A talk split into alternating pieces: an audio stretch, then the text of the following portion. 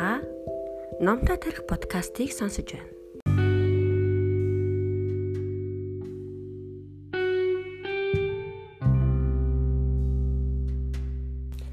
Алтан дээл Карнигийн номын 1-р дэвтэр 3 дугаар хэсэг 3 дугаар бүлэг. Хэрвээ таны буруу бол түүнийгээ хүлээж бай. Би Нью-Йоркийн бараг төвд оршин суудаг юм. Манай гэрээс хормын төдий яваад хүрэх газарт цэцэг ургаж хэрэмдүүлсэн зэрлэг ойн зураас байдаг. Энэхүү хүний гар хүрээгүй ойн хэсэг Forest Park хэмээн нэрлэгдэх хагаад Америкийг Колумб нээх үед байснаасаа бараг өөрчлөгдөггүй.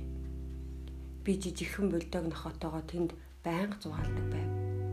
Рексмен гим хоргоо нохот бол би хошуурч зүйлгүй сул тавьж орхино.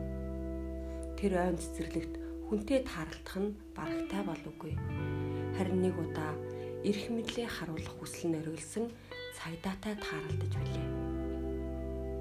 Танаа нохоо яхаараа хошуурчгүй тэгээд бас уяагүй явдаг үлээ. Хуйлд хар шидээ мэдхгүй гэж юу химэн надаас асуув. Би мэднэ. Гэхдээ нохоо энд хин нэгэнд хор хөнөөр хөнөөл учруулж болох юм гэж би ер бодсонгүй химэн аль болох ээлдэг өчв бодсонгүй гин шүү. Таны юу бодсноос үл шалтгаалan хууль хуулаараа үлдэнэ. Энэ нохоо хэрэн барьж хүүхэд хазаж мэднэ. Яхав энэ удаа би таныг явуулъя. Харин энэ нохоог энд дахин хошуурчгүй явахыг харвал та шүүхэд очих болно доо гэлээ. Би ч дуулууртайгаар амаагүй. Нэг хэсэг хэлсэндээ хүрч байлаа. Гэвч Рекс ч би ч тэр хошуурчин дургүй байсан тул азаа туршихаар шийдэв. Эхний үед бүх юм сайн л байлаа. Гинэт нэг өдөр дав өгсөн яваад нөгөөх хууль номлогчийг олж харах нь тэр. Рекс яг цайдагийн өдөөс хараалган очив. Ингээд яах чарахгүй байдалд оров. Үүнийг ойлгож байлаа.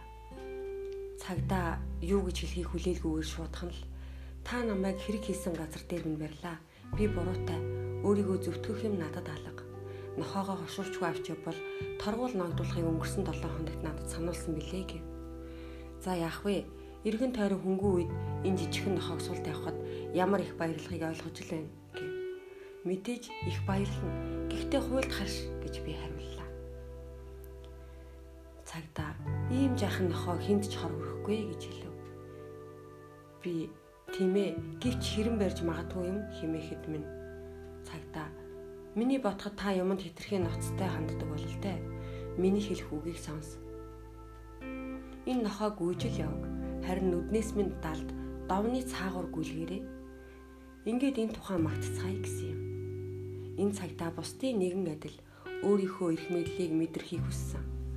Иймээс намайг өөрийгөө зэмлэж эхэлмөгц надад ивэнгүү хандхаар шийдсэн хэрэг.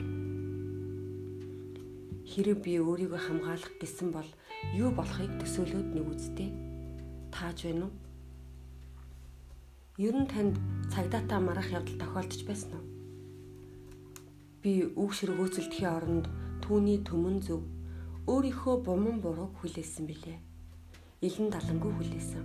Би цагдаагийн цагдаа миний талыг баримтлсан учраас ямар нэгэн зөрөлдөөн гараагүй хэрэг. Сул талаа өөрөө хүлээх нь бусад хүнээс зэмлэл сонсохоос хамаагүй амар байдаг. Хэн нэгэн хүн таны тухай таагүй зүйл бодож хэлхийг хүсвэл өрсөж өөрөө хэлэх хэрэгтэй. Ингэснээрээ та түүнийг гар мухардуулна. Цагдаа надад хандсны адил тэр хүн өгөөмөр сэтгэл гарган өршөөж алдаагт нь уучлана гэдэгт итгэл төгс байж болно. Тэнэг хүмүүс л алдаагаа хамгаалахыг хичээдэг бөгөөд ихэнх тэнэг хүмүүс яг л ингэдэг алдаагаа хүлээх нь хүнийг бусдаас илүү болгодог. Таны зөв тохиолдолд бусдыг итгүүлэхийг оролдохдоо маш хянамгай, нэхур байцгаая. Хэрв таны буруу бол тэр дорой алдаагаа дуртаяа хүлээх хэрэгтэй. Энэ арга гайхамшигт үрдэн өгдөг. Итгэнөө байна уу өөрөө мэдэрээ. Зарим тохиолдолд өөрийгөө буруутай гэх нь хамгаалахаасаа хамаагүй тааламжтай байдаг. Ингээд хэрв та хүнийг өөртөөгөө санал нэг болгоё гэвэл хэрв та буруутай бол үүнийгээ эрс шууд хүлээх түн гэсэн 3 дугаар мэдлэгийг баримтлаарай.